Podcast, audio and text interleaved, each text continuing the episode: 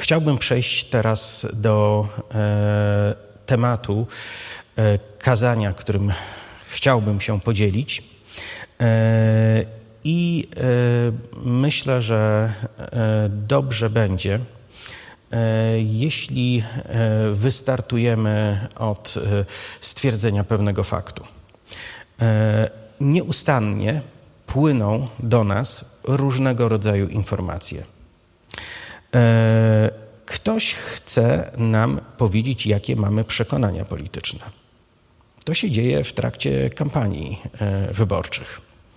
E, ktoś chce nam powiedzieć, że mamy takie, a nie inne e, przekonania polityczne i powinniśmy zagłosować tu, a nie gdzieś indziej.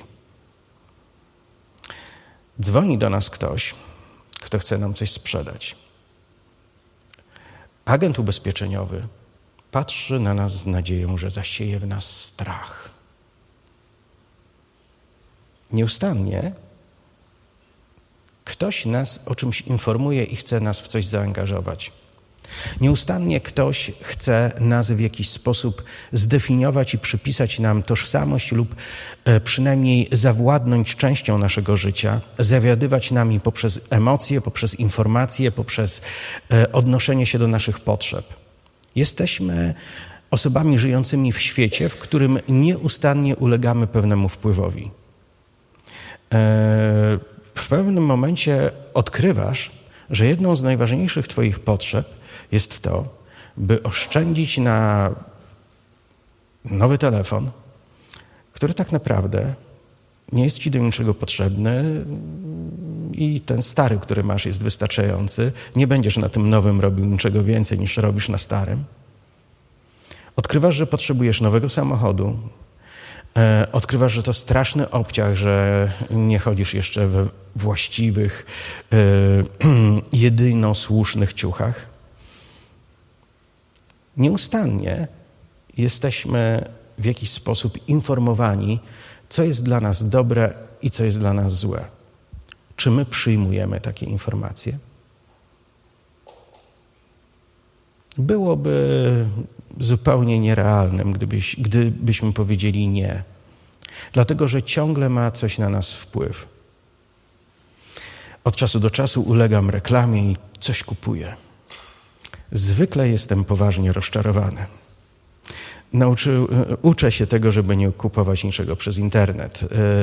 W pewnym momencie pomyślałem sobie od lat, nie mam porządnego zegarka. Szukałem, znalazłem, kupiłem. Takie badziewie, że nawet tego nie założyłem. Ale na reklamie było fajne. Kupiłem niedawno nóż. To jedyna, e, jedyny mój zakup w ostatnim czasie w internecie, którego nie żałuję. Niesamowita stal. Taki ostry, że jak tylko go wyciągnąłem z pudełka, od razu się skaleczyłem. Jest naprawdę fajne. Dajemy się informować światu, czego potrzebujemy. Kiedy podchodzimy do tego w sposób bezmyślny, to staniemy się maszynką do konsumpcji. Kiedy potrafimy wybierać, rzeczywistość wygląda inaczej. Będziemy poruszać się w tym świecie, który nieustannie nas bombarduje, nieustannie chce odnosić się do naszych potrzeb, nieustannie chce grzebać przy naszej tożsamości, nieustannie chce nas informować, e, co powinniśmy polubić i co nam powinno się podobać. E, nie słucham radia. Nie wiem, czy macie podobną sytuację. Ja generalnie wychowałem się przy radiu. E, ciągle zajmując się różnymi rzeczami, słuchałem e, powieści w wydaniu dźwiękowym, słuchałem teatru radiowego, słuchałem najróżniejszych słuchowisk, e, słuchałem najbardziej zabawnych audycji satyrycznych, jakie można było usłyszeć na świecie. W latach 80. siedziałem nieustannie przy radiu.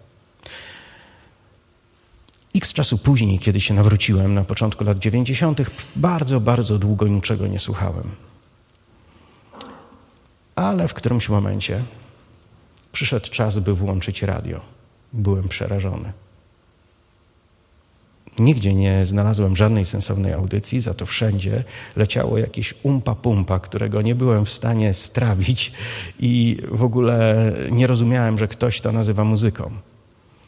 E, chyba starzeje się, prawda? Słychać to? W każdym razie e, jeden z najbardziej nieprzyjemnych, e, jedna z najbardziej nieprzyjemnych sytuacji, która może się przydarzyć o poranku, to kiedy wsiadam do samochodu, odpalam samochód i nie wiem czemu radio włącza się same. Już kilka sekund tego, co leci z radia, wydaje się po prostu jakby ktoś próbował uprawiać gwałt na moim rozumie. Nie akceptuję pewnych rzeczy.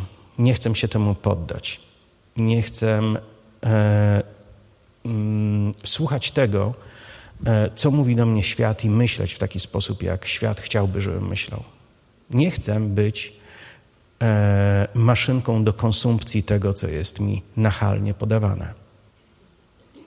I myślę, że jest to coś, co leży u podstawy wolności każdego człowieka, niezależnie od tego, czy jesteśmy wierzący, czy też nie.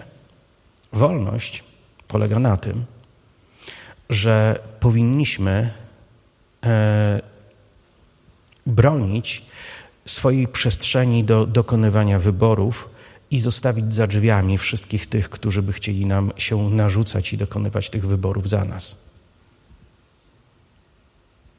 Nawet jeśli bardzo głośno mówią, że robią to dla naszego dobra albo dla wspólnego dobra. Myślę, że powinniśmy dbać o swoją wolność, bo jeśli przestaniemy o nią dbać, to zostaniemy zagospodarowani w sposób, z którego nie będziemy potrafili się wydostać. Ale jest coś, co dotyczy nas wierzących, co dotyczy osoby, które um, wiedzą, że rzeczywistość, której doświadczamy tutaj, nie jest rzeczywistością ani najważniejszą, ani ostateczną. Nasze życie tutaj trwa zwykle w okolicach kilkudziesięciu lat. Znam pewnego kaznodzieję lat 104. Ciągle zdarza mu się podzielić słowem. Od czasu do czasu, kiedy tam jestem, modli się o mnie. I kiedy patrzę na kogoś, kto jest wierzący i służący Bogu tak długo, na kogoś, kto nawrócił się jeszcze w czasach, kiedy e, moja matka nie zamierzała się rodzić i cały czas jest wierny. To jest naprawdę niesamowite i robi wrażenie. Tacy ludzie budzą szacunek.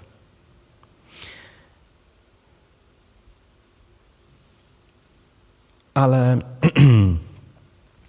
My, jako e, wierzący ludzie, mamy pewne wezwanie, które Bóg skierował do nas. I On chce, abyśmy uczestniczyli w pewnym procesie, abyśmy poddali się pewnemu wpływowi, o którym On uważa, że dla nas jest niezbędny. Bóg chce, aby życie wierzącego człowieka było życiem, E, w którym nieustannie wpływ na nasze myślenie będzie miało Jego Słowo. Kiedy trzeci raz czytałem Nowy Testament, co było na wiosnę 92 roku, to kiedy zacząłem czytać go trzeci raz, pamiętam swoje myśli. Przecież ja to znam już na pamięć. 30 lat później muszę powiedzieć, że nie znam tego na pamięć, ale bardzo bym chciał. 30 lat później mogę powiedzieć, że Pismo Święte objawia mi nieustannie nowe tajemnice i nie ma takiej sytuacji, abym e, przebrnął po raz kolejny przez Biblię i Bóg do mnie nie przemówił w nowy, zupełnie inny sposób niż kiedykolwiek wcześniej. Miałem w swoim życiu pewien okres, w którym byłem totalnie rozczarowany I w związku z moją postawą nic nie docierało do mnie z pisma, i też szczerze mówiąc, nie czytałem go zbyt gorliwie w tamtym okresie. Ale to nie był wynik tego, że słowo straciło swoją moc. To był wynik tego, że ja przyjąłem złą postawę. Jednak Bóg z jakiegoś powodu zaplanował, że w naszym życiu Jego Słowo powinno być e, tak e, obecne, jak świadomość tego, że potrzebujemy jeść. Czy ktoś zapomniał w tym tygodniu zjeść?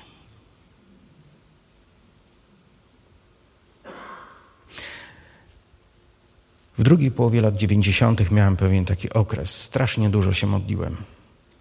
Modliłem się tak dużo, że e, wychodzenie z czasu modlitwy to była taka sytuacja bardzo niechciana przeze mnie, ale trzeba było czasami gdzieś pojechać, e, coś załatwić, coś zrobić. E, I wtedy, kiedy tak gorliwie się modliłem, nieustannie działy się też różne cuda wokół mnie. Ludzie doświadczali uzdrowień, uwolnień od demonów, wyzwoleń z nałogów, więc ja niekoniecznie zamierzałem to robić, ale e, działo się tak, że kiedy modliłem się nieustannie, e, niebo stąpiło i było tam, gdzie ja byłem. Był taki czas w tamtym okresie, że uświadomiłem sobie, ja nie podejmowałem decyzji, że będę pościł, ale uświadomiłem sobie, że kilka dni nie jadłem, bo zapomniałem. Byłem tak bardzo skoncentrowany na Bogu i tak bardzo skoncentrowany na Bożej mocy, która przetaczała się e, przez moje życie e, każdego dnia w potężny sposób, zaskakując mnie tym, co się działo, że był taki moment, że zapomniałem zjeść przez trzy dni. Któregoś dnia siedziałem u kogoś, ktoś mi podał kawę i ciastko, i kiedy zacząłem jeść te ciastko, zacząłem się zastanawiać, kiedy ostatnio jadłem.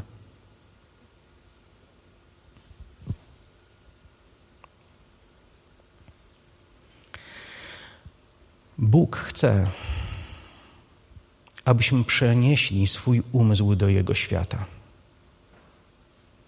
Dlatego, że ten świat, w którym żyjemy, domaga się naszej uwagi, domaga się prawa zamieszkiwania w, naszej w naszym umyśle, domaga się prawa do sterowania nas poprzez różne bodźce i nie zaprowadzi nas w żadne dobre miejsce.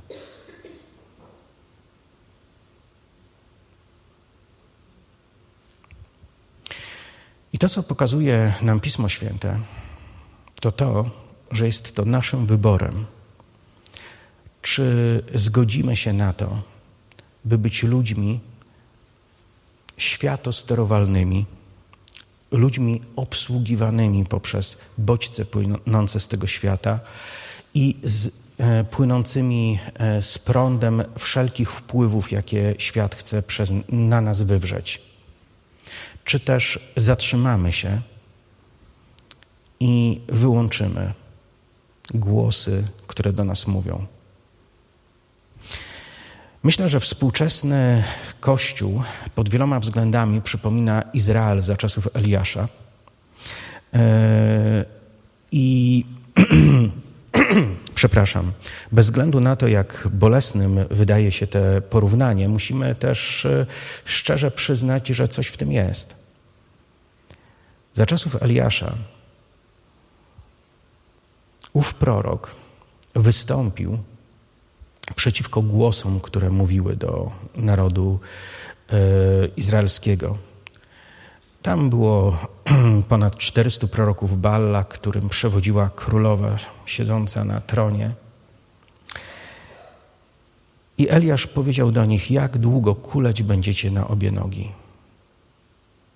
Jeśli wpływ tych proroków jest dla Was ważny, jeśli chcecie, by Baal był Waszym Bogiem, jeśli uważacie, że Baal jest Waszym Bogiem i że warto poddać się Jego prowadzeniu, to służcie Mu i nie próbujcie nawet pamiętać o Jahwe. Nie próbujcie pamiętać o Bogu Izraela, tylko pójdźcie w jedną stronę. Ale jeżeli Jahwe jest Bogiem, to nie ma znaczenia, jak wielu proroków ma przeciwna strona. Słuchajcie Jego i słuszcie Jemu. Jeden z najważniejszych wyborów, jaki podejmujemy, to to, Komu pozwolimy przemawiać do swego wnętrza? Pod czyim wpływem się znajdziemy? Czyj głos zaakceptujemy jako ten głos, który nas prowadzi? Czy ktoś z Was był w takiej sytuacji? Coś się wydarzyło. Nie możesz trafić na miejsce. Wszyscy włączają e, komórki i odpalają GPS-y, ale okazuje się, że jest awaria e, gdzieś i sygnał nie jest e, właściwie przesyłany, i z każdej komórki wydobywa się inna komenda. A przez cały czas to ty trzymasz kierownicę i to ty musisz wybrać, gdzie pojedziesz. Ale słyszysz masę sprzecznych głosów. Któregoś dnia razem z ekipą ludzi, e, z którymi współpracuję w profilaktyce uzależnień, opuściliśmy dom, który wynajmowaliśmy na ten czas w Radomiu. E, I wszyscy w swoich samochodach wpisaliśmy jeden adres jednej szkoły, do której mieliśmy dotrzeć. Była jakaś awaria w niebiosach, to znaczy ze satelitą, nie, z, nie wyżej. I każdy z nas mimo że wpisaliśmy ten sam adres, został poprowadzony w zupełnie inne miejsce. Ja zostałem zatrzymany w momencie, kiedy wjeżdżałem na teren jednostki wojskowej. E, to jest naprawdę ważne, kogo i czego słuchamy. Dlatego, że jeżeli słuchamy niewłaściwego głosu, możemy trafić w zupełnie niewłaściwe miejsce. W latach 60., kiedy zaczęła się hipisowska rewolucja, kiedy ludzie postanowili obalić wcześniejszy świat oparty na tradycyjnych wartościach, byli przekonani, że stworzą społeczeństwo pełne miłości, pełne pokoju, pełne pacyfizmu. stworzyli niewyobrażalną ilość rozbitych rodzin, zniewolonych narkomanów i alkoholików, samotnych matek. Stworzyli dokładną odwrotność tego, co było w deklaracjach. Posłuchali jakiegoś głosu, przyjęli jakieś instrukcje. Miliony, miliony rodzin na całym świecie zapłaciło bolesną cenę za tą rewolucję miłości, która okazała się rewolucją zepsucia i degradacji człowieka. Wiele razy w swoim życiu, jako młody człowiek, wierzyłem w podobne bzdury. Ktoś chce zawładnąć naszym umysłem, ktoś chce zawładnąć tym, co mają myśleć nasze dzieci Ktoś chce zawładnąć informacjami, które do nas mają płynąć, i ktoś chce nam powiedzieć, co jest dobre, a co nie jest dobre. I myślę, że coraz częściej widać to, że rzeczy ewidentnie złe są nazywane dobrymi i rzeczy ewidentnie dobre są nazywane złymi. To jest świat, w którym żyjemy. I to jest świat, w którym będziemy musieli nauczyć się dokonywać wyborów, dlatego że E, niedokonywanie wyborów też jest wyborem i jest wyborem złym. Chcę, by Bóg do mnie przemawiał. Chcę powiedzieć tym wszystkim prorokom Balla: Nie istnieje dla Was. Nie chcę spełnić Waszych oczekiwań. Pamiętam pewien straszny sen, który śnił mi się, kiedy miałem 17 lat. To był koszmar. To naprawdę był horror. Budziłem się spocony, wystraszony i kiedy budziłem się z ulgą, mogłem odetchnąć i pomyśleć sobie, na szczęście to nie jest prawda. Śniło mi się, że w mojej okolicy grała moja ulubiona kapela pankrokowa, a ja nie mogłem się dostać na koncert. Wiele razy miałem ten koszmar. Dzisiaj, jak patrzę na takie problemy,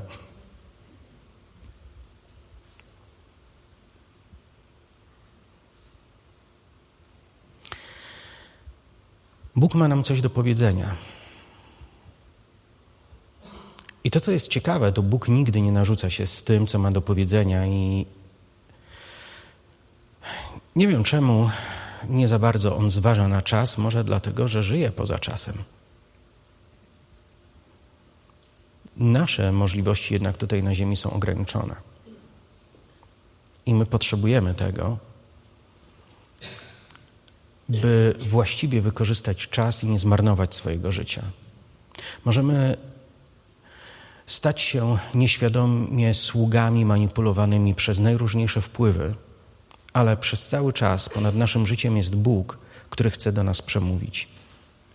Opowiem pewną historię, która, e, mm, poprzez którą Bóg chciał do mnie przemówić, ale powiem też mm, zupełnie szczerze, że dopiero po latach zrozumiałem, co się wydarzyło wtedy. Któregoś dnia siedziałem w maluchu jako pasażer u boku kolegi, który miał problem ze słuchem. E, więc jechaliśmy tym maluchem. Jak się domyślacie, nie prowadziliśmy ożywionej konwersacji. więc jechaliśmy tym maluchem i minęliśmy dwoje ludzi. Kiedy byliśmy jakieś 500 metrów dalej, musiałem zaakceptować to, co się dzieje w moim wnętrzu, bo usłyszałem, jak Bóg do mnie mówi: zabierz ich do siebie. Przejeżdżasz obok przypadkowych ludzi idących przy drodze i słyszysz, jak Bóg mówi: zabierz ich do domu. Nie znasz ich, nie wiesz kto to, nie wiesz co zrobić w takiej sytuacji, ale krzyknąłem do znajomego: Możemy się cofnąć? On cofnął się, na szczęście nie pytał o co chodzi. Kiedy dojechaliśmy do miejsca, w którym byli, odkręciłem szybę, powiedziałem cześć cześć. Co robicie? A, chodzimy i szukamy jakiegoś miejsca. Może najlepiej byłoby znaleźć jakąś dziką plażę. Może tu jest w jakiejś w okolicy, może coś podpowiecie dla nas. Ja mówię, a dlaczego szukacie tej dzikiej plaży? No i chłopak mówi, wiesz, przyjechaliśmy tutaj na Mazury i po drodze zasnęliśmy w pociągu i Ruscy poczęstowali się naszym bagażem. Nie mamy plecaków, nie mamy namiotu, nie mamy nic i wylądowaliśmy tutaj w ogóle bez niczego. To wszystko przez ruskich. I mówię, okej, okay, to wsiadajcie.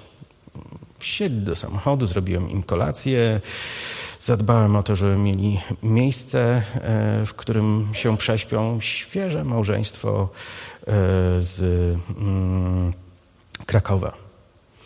E, kiedy rozmawialiśmy, okazało się, że są nawróceni. Ciekawe, nie? Pierwszy raz się w życiu widzieliśmy. To było ewidentne, że Duch Święty nas skontaktował ze sobą. Bóg się zatroszczył o swoje dzieci, które potrzebowały pomocy i potrzebował mieć w swoim zasięgu kogoś, kto usłyszy Jego głos.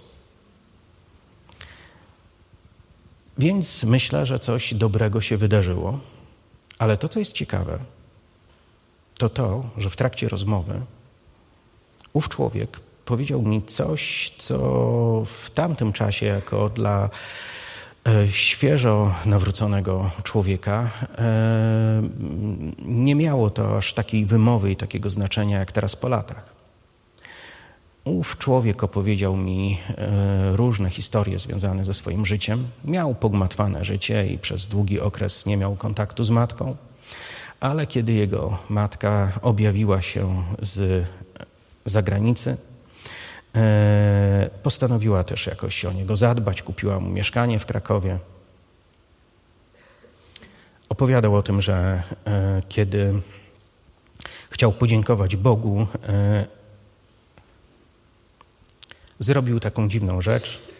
Zrobił kolację na dwie osoby. No i pomyślał sobie, że będzie wyobrażał sobie, że Jezus jest z nim przy stole. To był jego plan. Ale stało się tak, że kiedy już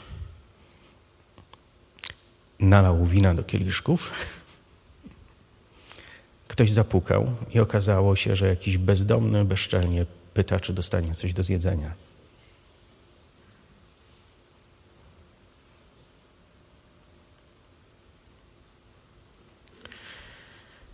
Ten człowiek e, e, opowiadał mi różne historie ze swojego życia i powiedział, że e, w którymś momencie zrozumiał, że największym uzdrowieniem, jakie człowiek może przeżyć, to uświadomić sobie to, że jest kochany przez Boga.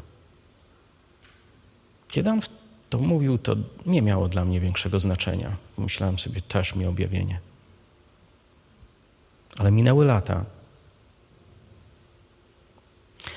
I myślę, że nie ma w moim życiu bardziej doniosłej prawdy, nie ma ważniejszej rzeczy, nie ma niczego, co miałoby większe znaczenie niż ten fakt, że jestem kochany przez Boga. Jeśli cokolwiek miałoby we mnie uderzyć, jeśli cokolwiek miałoby mną zachwiać, jeśli cokolwiek złego miałoby się wydarzyć w moim życiu, to na samym dnie wszystkich najgorszych doświadczeń, jakie mogłyby mnie spotkać, pozostawałaby jeszcze ta prawda. Wbrew wszystkiemu, ale jestem kochany przez Boga. Ale jestem cenny w oczach Wszechmogącego. Ale to On mnie wybrał i On mnie chce. Bez względu na to, jakie zło ktokolwiek by mi wyrządził, jakie zło chciałby wyrządzić mi świat, bez względu na to, kto chciałby mną zawładnąć, bez względu na to, kto chciałby mną manipulować. Najważniejszą rzeczą dotyczącą mego życia jest to, że jestem kochany przez Boga.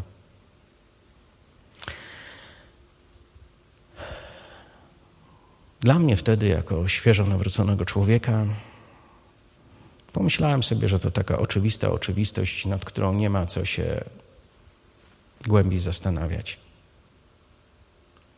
Ale kiedy przeżywasz y, jakiś okres, kiedy widzisz, że życie może iść zupełnie inaczej, że Twoje plany mogą się kompletnie pogmatwać, kiedy doświadczysz niesprawiedliwości, podłości, zdrady i wszystkich innych rzeczy, których się nie spodziewasz jako osoba optymistycznie nastawiona do tego, co powinno się w Twoim życiu wydarzyć, to okazuje się, że ta prawda jest najważniejszą kotwicą Twojego życia.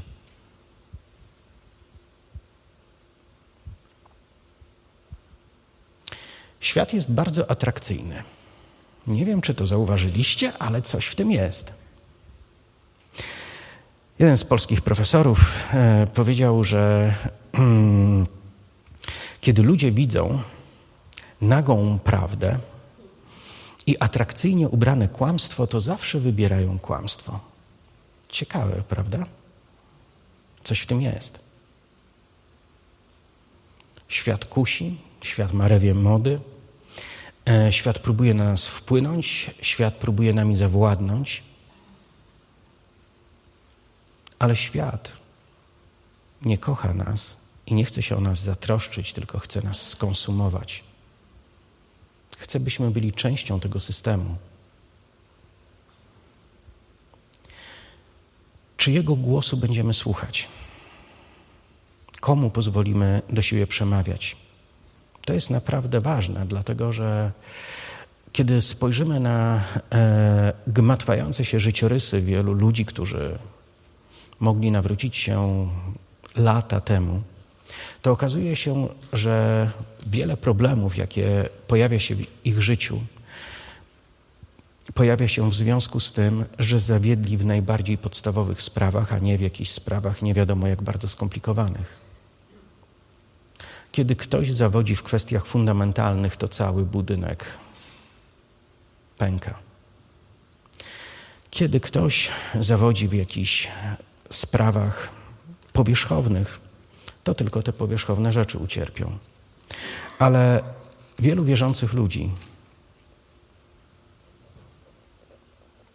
dochodzi do miejsc, w których, gdy przeżywają ogromny kryzys, pytają dlaczego. Dlaczego tak się stało? wielu wierzących ludzi, niestety, ale ze smutkiem to muszę powiedzieć, że nie raz, nie dwa było czymś rozgrywającym się przed moimi oczyma.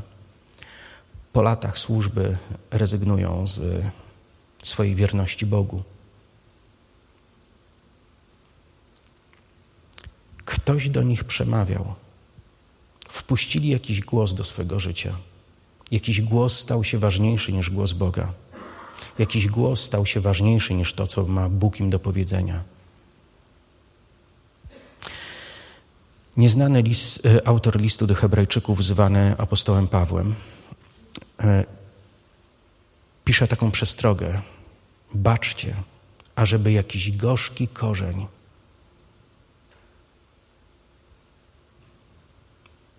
wyrastający w górę nie przyniósł Wam i innym zniszczenia. Czasami ktoś żyje bardzo długo w rozczarowaniu. Czasami ktoś żyje w pretensjach, czasami ktoś żyje w nieprzebaczeniu. Czasami ktoś żyje w bólu i kiedy opowiada o przyczynach swego bólu, można powiedzieć: Ja Ciebie rozumiem. Gdyby mnie coś takiego spotkało, bardzo Ci współczuję. Nie potrafię Ci pomóc, ale rozumiem Twój ból, rozumiem Twój gniew. Rozumiem to, co się w Tobie dzieje, bo to, co Ciebie spotkało, było naprawdę podłe, naprawdę złe.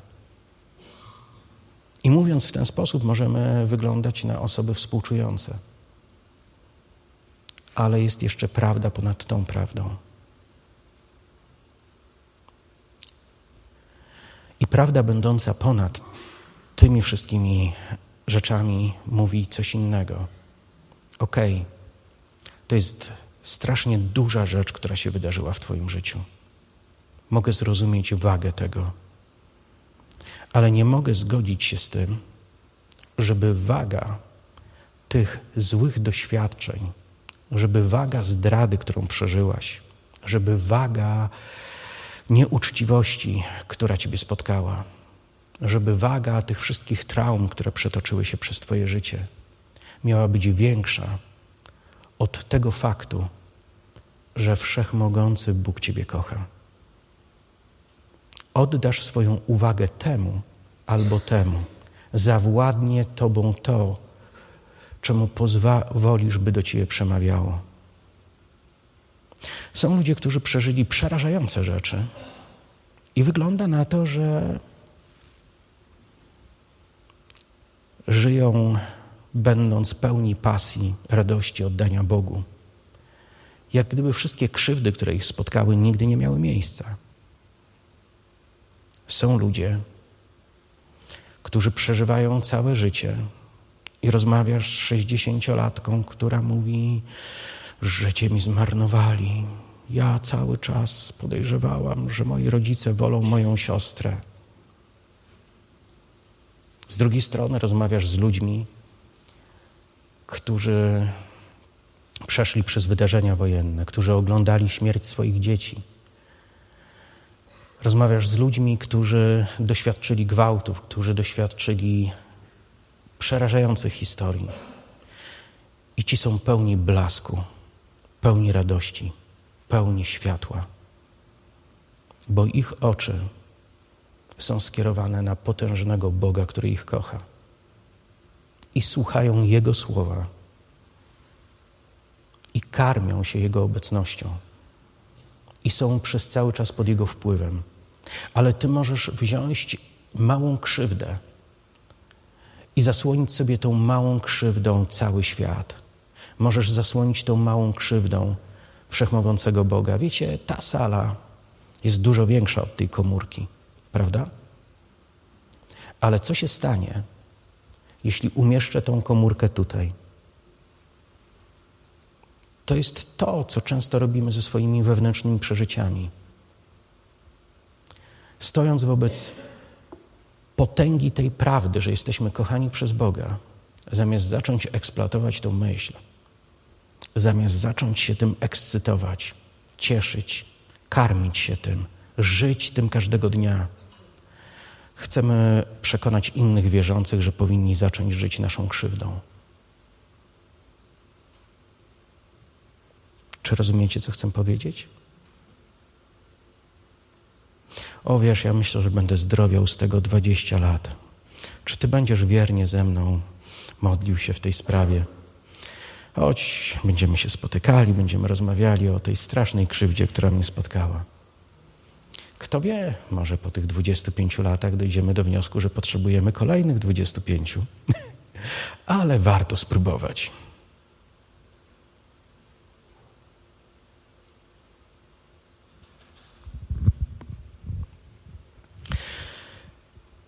Myślę, że ogromna część naszych problemów znikłaby, gdybyśmy podjęli odważną decyzję. To mój Bóg jest wart mojej uwagi, a nie wszystkie moje krzywdy, nie wszystkie moje potrzeby, nie wszystkie głosy, nie wszystko to, co próbuje e, mną zawładnąć, tylko mój Bóg jest wart mojej uwagi. Przed laty, bardzo, bardzo zmęczony, znalazłem się w Czechach, gdzie miałem poprowadzić spotkanie. I byłem naprawdę tak bardzo zmęczony i miałem już taką przemęczeniową depresję, i dodatkowo w tamtym okresie przeżyłem wiele nieprzyjemnych doświadczeń, że moje wnętrze było wypełnione atmosferą związaną ze wszystkim tym, co najgorsze spotkało mnie w ostatnim czasie.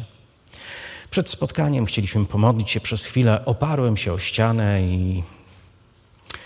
E, emanując dookoła atmosferą, którą potrafi z literackich e, opowieści e, roztaczać wokół siebie tylko osiołek z Kubusia Puchatka. Stałem tam e, mm, świadom ciężarów, które dźwigam, ofiary, której, którą ponoszę, męczeństwa słusznie przeżywanego. I Duch Święty do mnie przemówił. Kiedy zamknąłem oczy, obraz nie zniknął, ale to, co zobaczyłem przed oczyma, to zobaczyłem wielkie pobojowisko. Zobaczyłem ziemię pełną błota, poszarpaną, rozjeżdżoną. Na wsiach takie rzeczy można zobaczyć i jakby co, to zapraszam e, na zwiedzanie jesiennych Mazur. To zupełnie inny krajobraz. E, ale to wszystko wyglądało jak okropny śmietnik. Wszystko było mega paskudne i w totalnym nieładzie. Patrzyłem więc na to i myślałem sobie, że to nieźle odzwierciedla stan mojego wnętrza. Pomyślałem sobie też, jeśli Duch Święty fatyguje się, żeby dać mi wizję i powiedzieć mi, co się dzieje w moim wnętrzu, to ja to wiem bez tej wizji. Ale chwilę później usłyszałem spójrz w górę. Nie otwierałem oczu. Spojrzałem w górę pod zamkniętymi oczyma. I okazało się, że obraz, na, patrzy, na który patrzyłem, miał dwa poziomy. Ponad tą poszarpaną ziemią było błękitne, słoneczne niebo. Było pełne blasku, pełne świeżości. To były rzeczywistości tak bardzo kontrastujące ze sobą. I Bóg do mnie przemówił to Ty wybierasz, na co patrzysz. I to, na co patrzysz, zawładnie Tobą.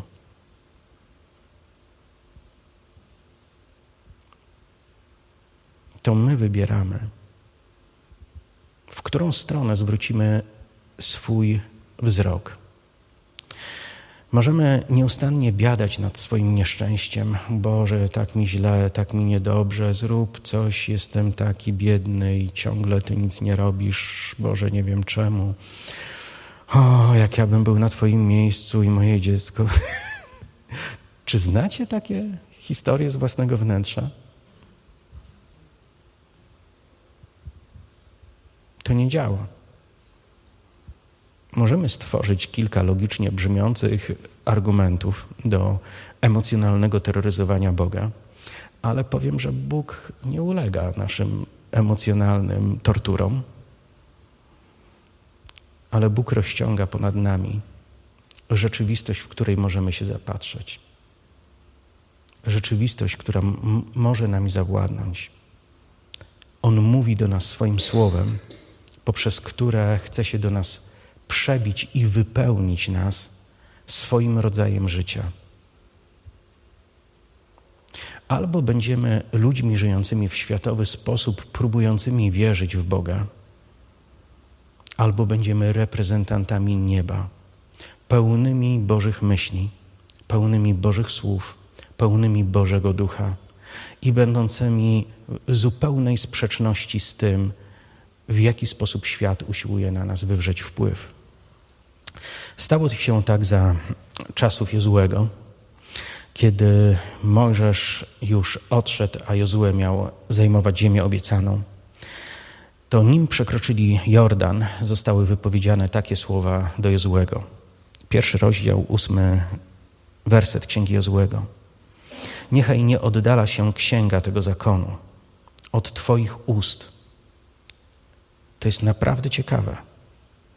Tam nie jest napisane, niech nie oddala się od Twoich oczu, niech nie oddala się od Twoich ust. Żydzi mają taki zwyczaj, że kiedy czytają pismo, to je wypowiadają, czytają nie tylko oczyma, ale również ustami. Ma to wiele uzasadnień. Jednym z takich uzasadnień czysto psychologicznych jest to, że kiedy czytasz oczyma, zapamiętujesz w ograniczonym zakresie. Ale kiedy jednocześnie uruchamiasz aparat mowy, to się wytwarzają dodatkowe połączenia nerwowe, w których możemy, e, za pomocą czego możemy zapamiętać ten tekst i zrozumieć go o wiele głębiej niż czytając tylko oczyma. Więc oni mają taki zwyczaj, że czytają i wypowiadają. Więc e, Bóg oczekiwał, że Jozue będzie miał tą księgę przed oczyma i na ustach. I ta księga będzie nieustannie wypowiadana przez niego. Bóg chce, abyśmy coś zrobili z Jego Słowem, abyśmy zaczęli mówić to, co nam mówi Boże Słowo, abyśmy to wypowiadali, abyśmy się z tym utożsamiali abyśmy tym żyli. Aby to słowo nie tylko wchodziło do naszego wnętrza, ale również wychodziło z naszego wnętrza jako nasza osobista deklaracja tego, co jest dla nas prawdą. Więc spójrzmy na ten werset jeszcze raz. Niech nie oddala się księga tego zakonu od Twoich ust, ale rozmyślaj o niej we dnie i w nocy, aby ściśle czynić wszystko, co w niej jest napisane, bo wtedy poszczęści się Twojej drodze i wtedy będzie ci się powodziło. Hmm. Bóg chce, abyśmy zmienili się w żywą księgę, którą On pobłogosławi. Z przyczyn technicznych nie przeczytamy całej księgi Jozłego w trakcie tego spotkania, ale powiem, że księga Jozłego opisuje coś wyjątkowego. Wejście Izraela do ziemi obiecanej. Jeden z wersetów, który definiuje e, księgę e, Jozłego, to werset, który mówi, że nie zawiodła żadna z Bożych obietnic, a wszystkie się wypełniły.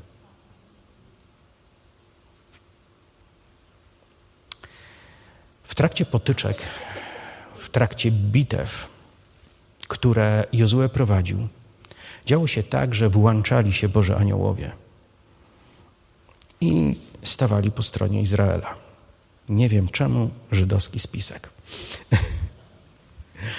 Ale kiedy pojawiali się Boże aniołowie, to działo się tak, że zrzucali kamienie z nieba, które spadały na wrogą wobec Izraela armię. I Biblia mówi, że było więcej pokonanych od spadających kamieni niż tych, których dosięgła armia. To jest ciekawe. Bóg prowadził wojnę Jozłego. Bóg zwyciężał za Jozłego.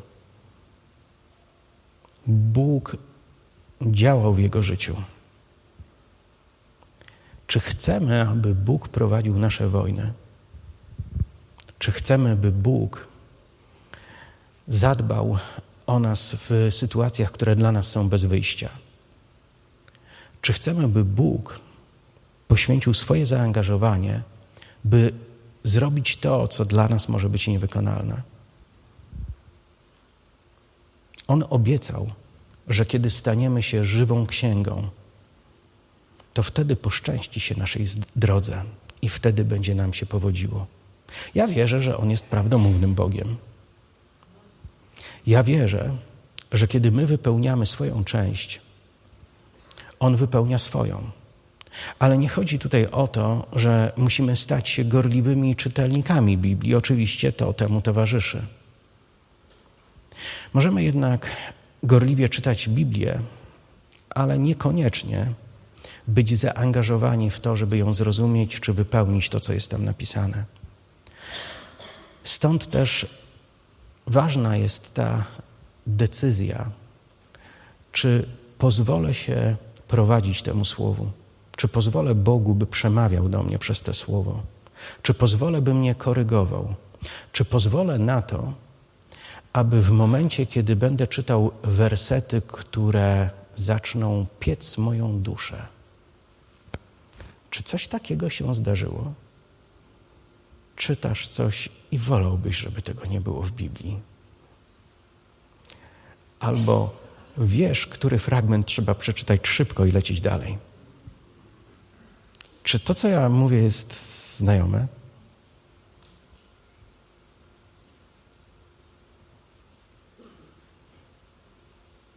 Bóg czegoś oczekuje od nas. Mówi do nas z jakiegoś powodu. Naprawdę chce, żebyśmy go usłyszeli. I kiedy potraktujemy to w taki sposób, jak On tego sobie życzy, zaczniemy również oglądać to, co On obiecuje.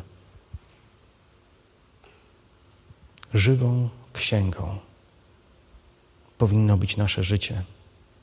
Powinniśmy być pełni Jego słów, pełni Jego myśli. Powinniśmy codziennie mówić Bogu: Boże, chcę, aby Twoje pragnienia były moimi pragnieniami. Pozwól mi je dostrzec, bym mógł się z nimi zgodzić. Chcę być zaangażowany w wypełnianie Twojej woli tak, jak Ty sobie tego życzysz. Kiedy tak wygląda nasze życie, zaczynamy oglądać, jak to słowo się wypełnia i zaczynamy doświadczać tego, o czym mówi Księga Jozłego. Nie zawiodła żadna z obietnic, które złożył Bóg. Wielu ludzi żyje w pewnej frustracji. E, znamy obietnice, powołujemy się, e, mm, od czasu do czasu nawet czujemy się skrzywdzeni, mówiąc: No, przecież Bóg takie rzeczy robi w życiu innych ludzi, dlaczego nie robi w moim życiu? No przecież to taka sama obietnica e, dla mnie, jak i dla Niego. Ale może przyglądamy się tylko obietnicom ze słowa, a nie temu, co Bóg przez to słowo chce nam powiedzieć. Bo On w tym słowie ma znacznie więcej do powiedzenia niż tylko złożenie nam obietnic. I kiedy e, jesteśmy, i kiedy jesteśmy już w takim e, miejscu, że e, jesteśmy świadomi tego, że pozwoliliśmy Bogu przemówić do nas przez tą księgę, wywrzeć na nas wpływ, że zdecydowaliśmy się wyłączyć świat, że nie jesteśmy już ludźmi kulejącymi na obie nogi, tak jak to działo się za czasów Eliasza E, wtedy też odkrywamy, że Słowo jest mieczem, Słowo jest narzędziem. Słowo staje się czymś, czym możemy się posłużyć, czymś, za pomocą czego możemy toczyć walkę, czymś, za pomocą czego możemy zwyciężać. Okazuje się, że Słowo zmienia się w skuteczny oręż Kiedy byłem świeżo nawróconym człowiekiem, z wielką ochotą uczyłem się różnych wersetów na pamięć. E, miałem ogromną ilość e, tego w głowie. Mm, znałem wiele psalmów, wiele rozdziałów e, z różnych ksiąg. Myślę, że znałem więcej nawet niż sam siebie podejrzewam. Bardzo często przyłapywałem się na tym, że kiedy otwierałem pismo, żeby mm, coś przeczytać, to cały czas kartkując strony e, zaczynałem cytować z pamięci tekst, którego szukałem i czasami zacytowałem cały, zanim w ogóle zdążyłem go. E, nie byłem świadom chyba nawet tego, jak wiele e, nauczyłem się na pamięć. Ale pamiętanie tego, co jest w tekście, to nie jest to samo, co życie w zgodzie z tym. Wiele razy cytowałem e, teksty w różnych trudnych sytuacjach, ale w którymś momencie zrozumiałem, że to jest takie niedojrzałe, chaotyczne, wybiórcze traktowanie Biblii, próby sprowadzenia tego wszystkiego, co Bóg ma mi do powiedzenia, do takiego cielesnego poziomu. Jednak minęły lata. Dzisiaj, dzisiaj patrzę na to inaczej. Dzisiaj ogromne znaczenie dla mnie ma ten werset z 12 rozdziału Apokalipsy, gdzie w 11 wersecie jest napisane: Oni zwyciężyli go, zwyciężyli szatana. Oni zwyciężyli go przez krew baranka i przez słowo świadectwa swojego. Kim byli ci oni? To byli ludzie, którzy naprawdę rozumieli, czym jest krew baranka. To byli ludzie, którzy naprawdę rozumieli, czym jest słowo. To byli ludzie, którzy zwyciężyli szatana.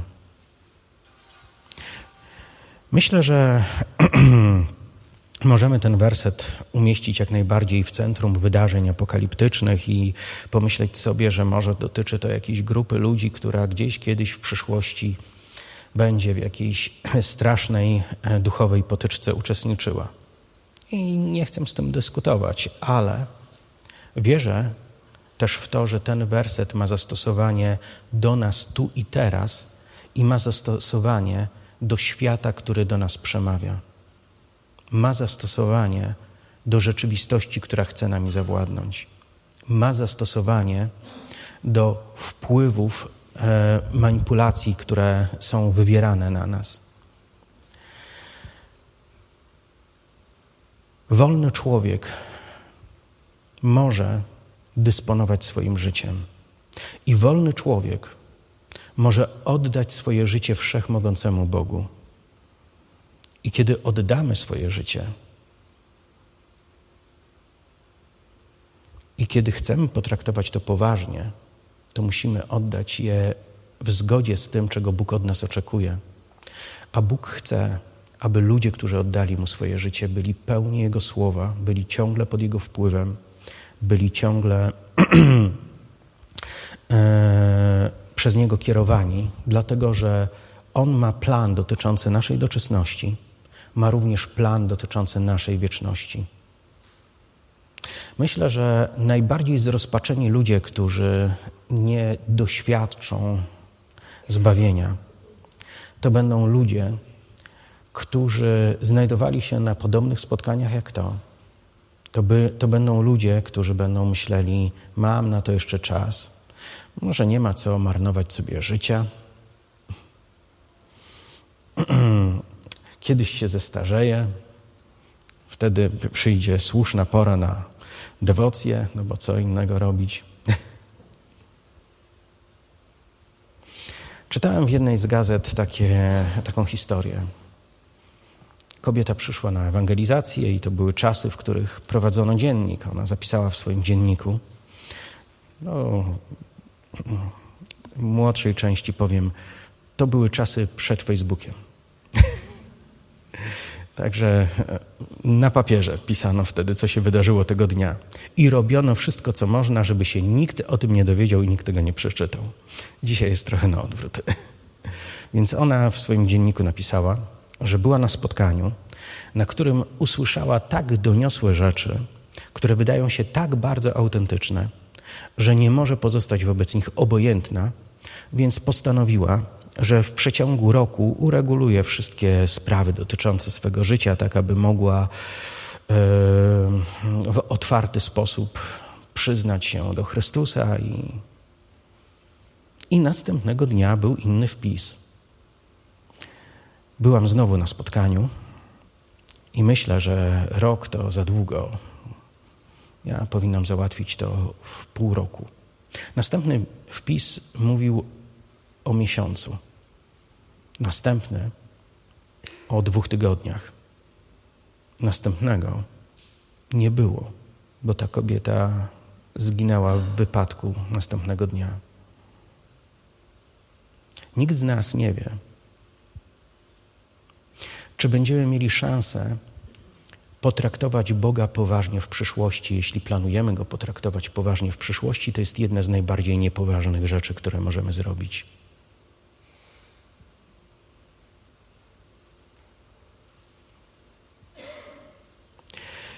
Jeśli wierzymy w to, że Bóg upomina się o nasze życie, to jest tylko jeden, jedyny sposób, jak na to można odpowiedzieć. Natychmiast.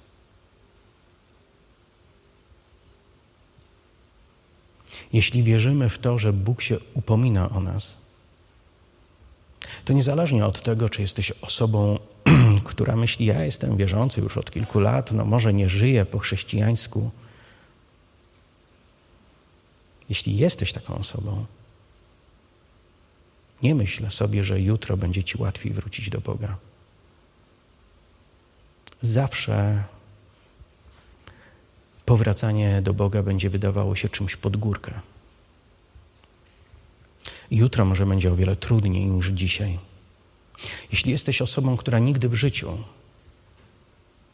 nie zawarła przymierza z Bogiem, Nigdy w życiu nie odpowiedziałeś na to, co Chrystus zrobił dla ciebie na krzyżu, biorąc na siebie wszystkie Twoje winy, wchodząc w miejsce Twojej kaźni, decydując się na to, aby zostać obwiniony za całe zło Twego życia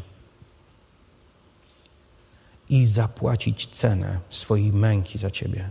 Jeśli nigdy nie odpowiedziałeś na to i nie powiedziałeś, dziękuję Ci Panie, przyjmuję to, akceptuję tą ofiarę dla siebie i oddaję Ci swoje życie. Jeśli nigdy tego nie zrobiłeś, to nie czekaj z tym.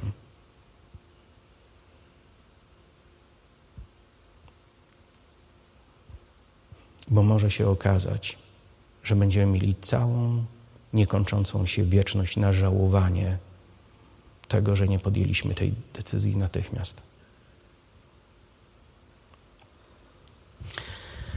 Chciałbym więc, abyśmy coś zrobili.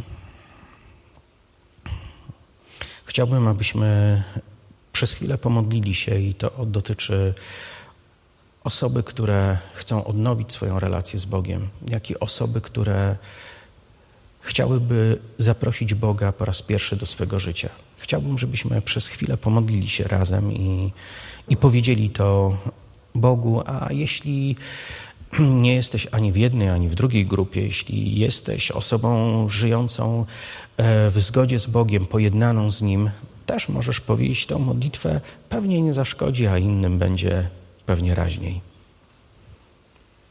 Wstańmy i pomódlmy się razem.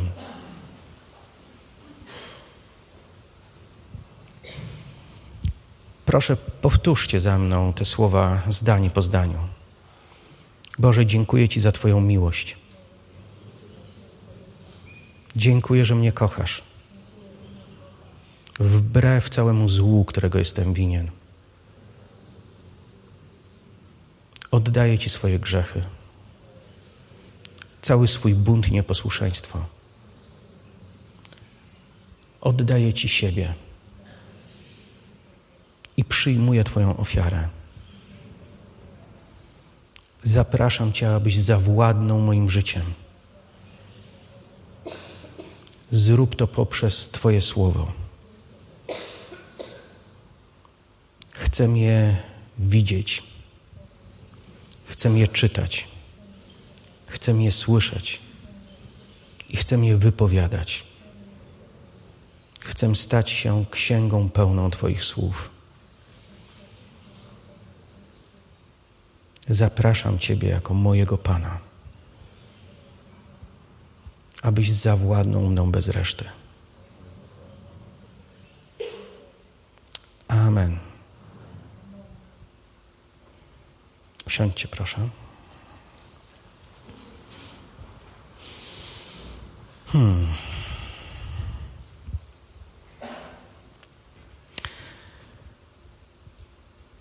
W trakcie dzisiejszego nabożeństwa mamy też czas przewidziany na modlitwę. Wczoraj wydarzyło się niesamowicie dużo fajnych rzeczy.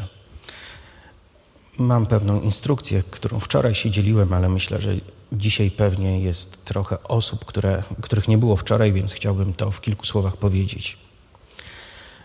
Bóg działa z powodu swojej łaski, z powodu swojej dobroci.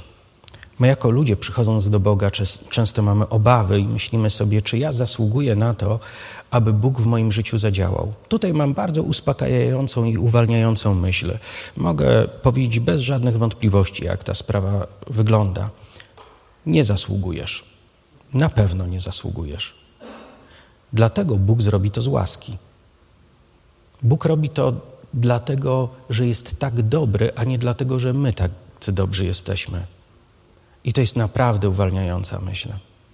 Ale jeśli przychodzimy do Boga z oczekiwaniami, że powinien coś zrobić, bo na to zasługujemy, to w pewnym sensie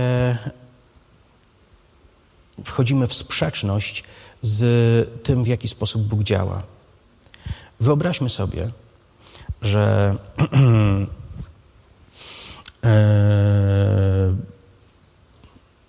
Artur, pastor, rozpocząłby działalność polegającą na rozdawaniu żywności dla bezdomnych.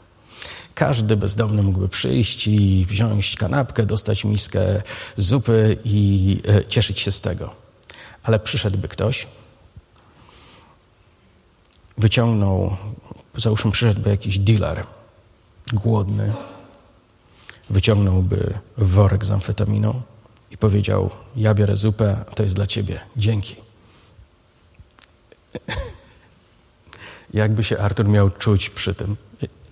Wiecie, mam taki dziwny przykład, dlatego że kiedyś w naszym koszyku na kolektę znalazło się coś takiego. Inne rzeczy też znajdowaliśmy. Ale wyobraźmy sobie, że pastor rozdaje żywność dla bezdomnych, przychodzi dealer i mówi: Dobra, coś za coś. Ja biorę to, tobie daję to. On nie chciałby tego przyjąć. Mam nadzieję. Powiesz to do mikrofonu? nie, nie. Dobra, nie, nie, nie chciałby tego przyjąć. I czasami zdarza się, że człowiek chce zawrzeć z Bogiem pewną transakcję, jakiej Bóg nie chce zawrzeć. Bóg mówi: Dam ci to za darmo. Nie, nie, ja zapłacę. Ja zapłacę tak, jak mi się podoba. Nie, to jest albo za darmo, albo w ogóle. Dlatego, kiedy przychodzimy, prosząc Boga o to, aby Jego łaska dotknęła naszego życia, powinniśmy skoncentrować się na tym, jak dobry jest On, jak łaskawy jest On. Powinniśmy skoncentrować się na tym, co jest właściwe, i nie powinniśmy w imię jakichkolwiek dziwacznych motywów, które mogą toczyć się, w, powstawać w naszym wnętrzu, nie powinniśmy tego przenosić na swoje własne zasady, bo Bóg tego nie przyjmie. Kurczę, wymyśliłem całkiem dobry przykład. Więc jeśli chodzi o modlitwę, to ważne, żebyśmy przyszli do tego z właściwą postawą. Czy jest coś, co powinno się jeszcze wydarzyć? Okej, okay. oddaję mikrofon, a za jakiś czas wrócimy do tematu modlitwy.